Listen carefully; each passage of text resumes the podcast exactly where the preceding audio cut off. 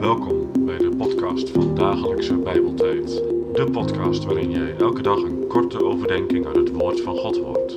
Als je na deze aflevering vragen of opmerkingen hebt, kun je ons mailen op dagelijkse.bijbeltijd.gmail.com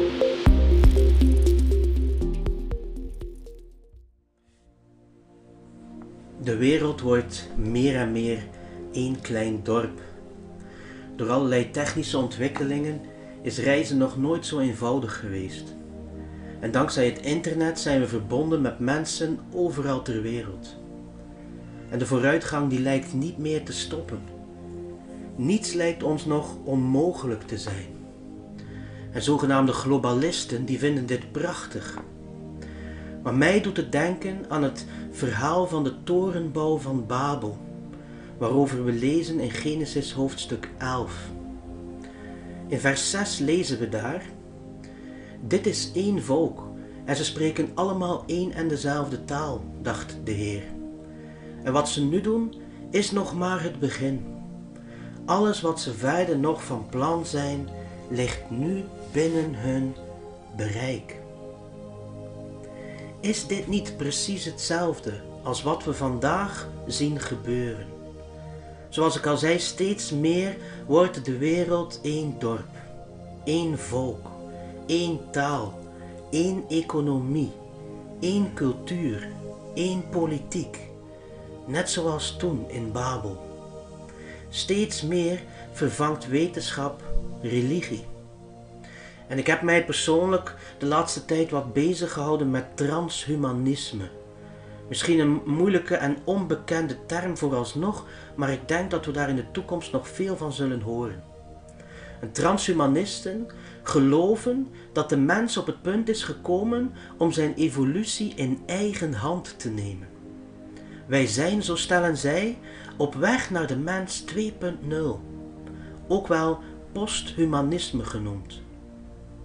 En met computers en software kunnen we onszelf upgraden, verbeteren. Misschien klinkt dat allemaal heel ingewikkeld, maar laat mij het simpel verwoorden.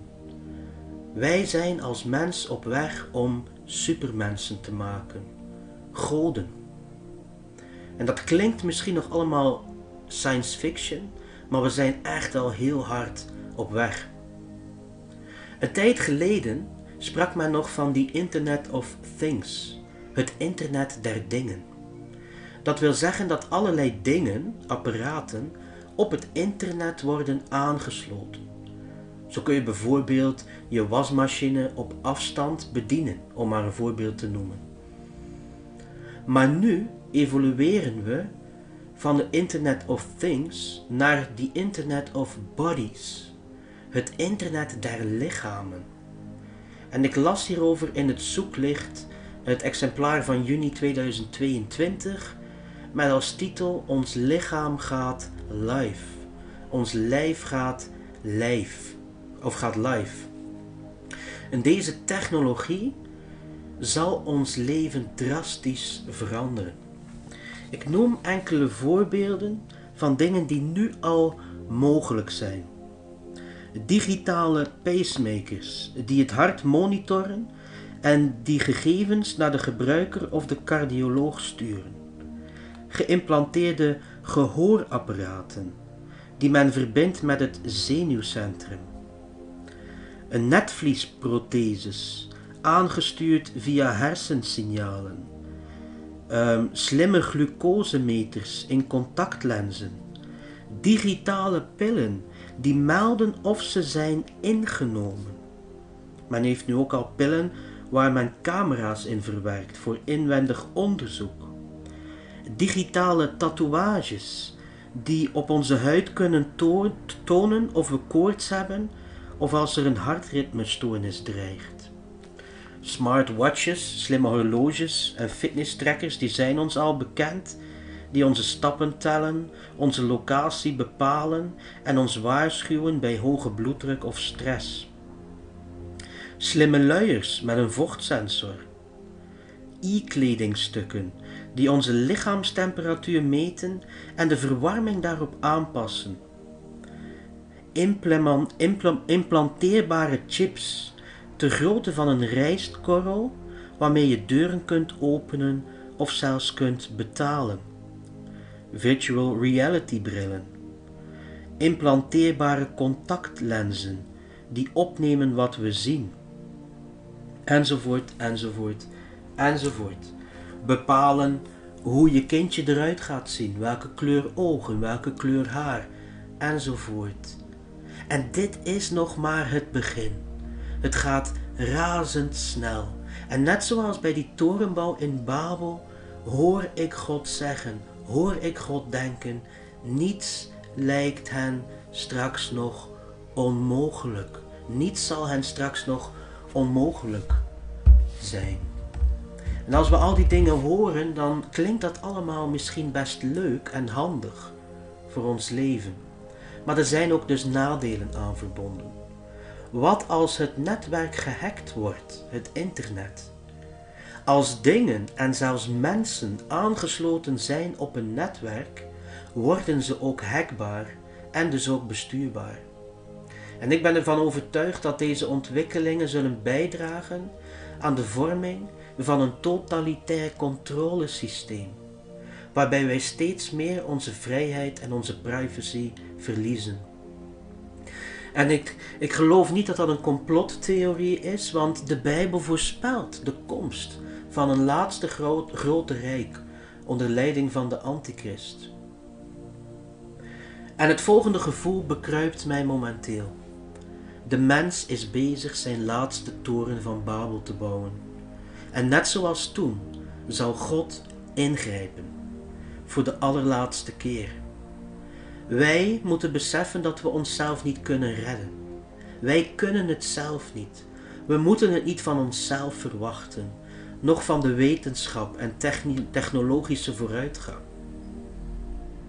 Het probleem van het huidige maakbaarheidsdenken, dat de mens als schepper en regisseur ziet, is dat het geen rekening houdt met God.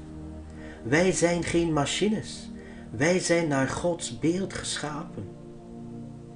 Toen Jezus Jeruzalem binnenwandelde, riepen de mensen hem toe: Hosanna, Hosanna. Wat betekent breng heil, Heer. Want van u verwachten wij het. Brengt u heil, brengt u redding. En zoals alle rijken uit het verleden, zal ook dit nieuwe komende wereldrijk falen. Maar wij zien uit naar Jezus koninkrijk. Maranatha, kom Heer Jezus, kom. De apostel Paulus schrijft in 2 Korinthe 12 vers 9: Je hebt niet meer dan mijn genade nodig, want kracht wordt uh, zichtbaar in zwakheid. Zo heeft God tot hem gesproken. Je hebt niet meer dan mijn genade nodig, want kracht wordt zichtbaar in zwakheid. Met andere woorden, wij zijn geen goden, wij zijn geen supermensen, wij zijn geen transhumanisten, wij zijn zwak. En in de erkenning van onze zwakte maakt God ons sterk.